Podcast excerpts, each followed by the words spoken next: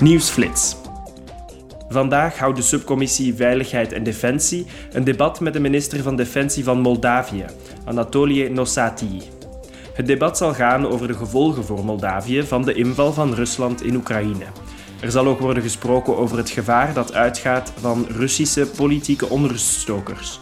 Ook de aanwezigheid van 1500 Russische soldaten met een grote voorraad munitie in de Moldavische regio Transnistrië baart zorgen.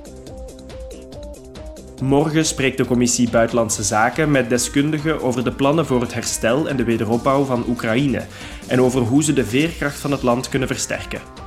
Ze zullen vooral kijken naar de opties voor herstelfinanciering in de stijl van het Marshallplan na de Tweede Wereldoorlog.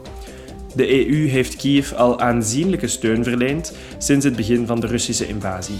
Maar hoe de oorlog ook afloopt, de economie van Oekraïne is verwoest en het herstel en de wederopbouw zullen een gigantische inspanning vergen. De Commissie Internationale Handel nodigt morgen ook deskundigen uit om het te hebben over sterkere handels- en investeringsbetrekkingen tussen de EU en Latijns-Amerika. Deze regio's hebben traditioneel nauwe economische banden.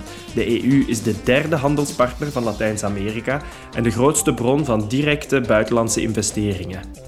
Tijdens de discussie zullen de experts uitleggen hoe de banden nog meer kunnen worden aangehaald.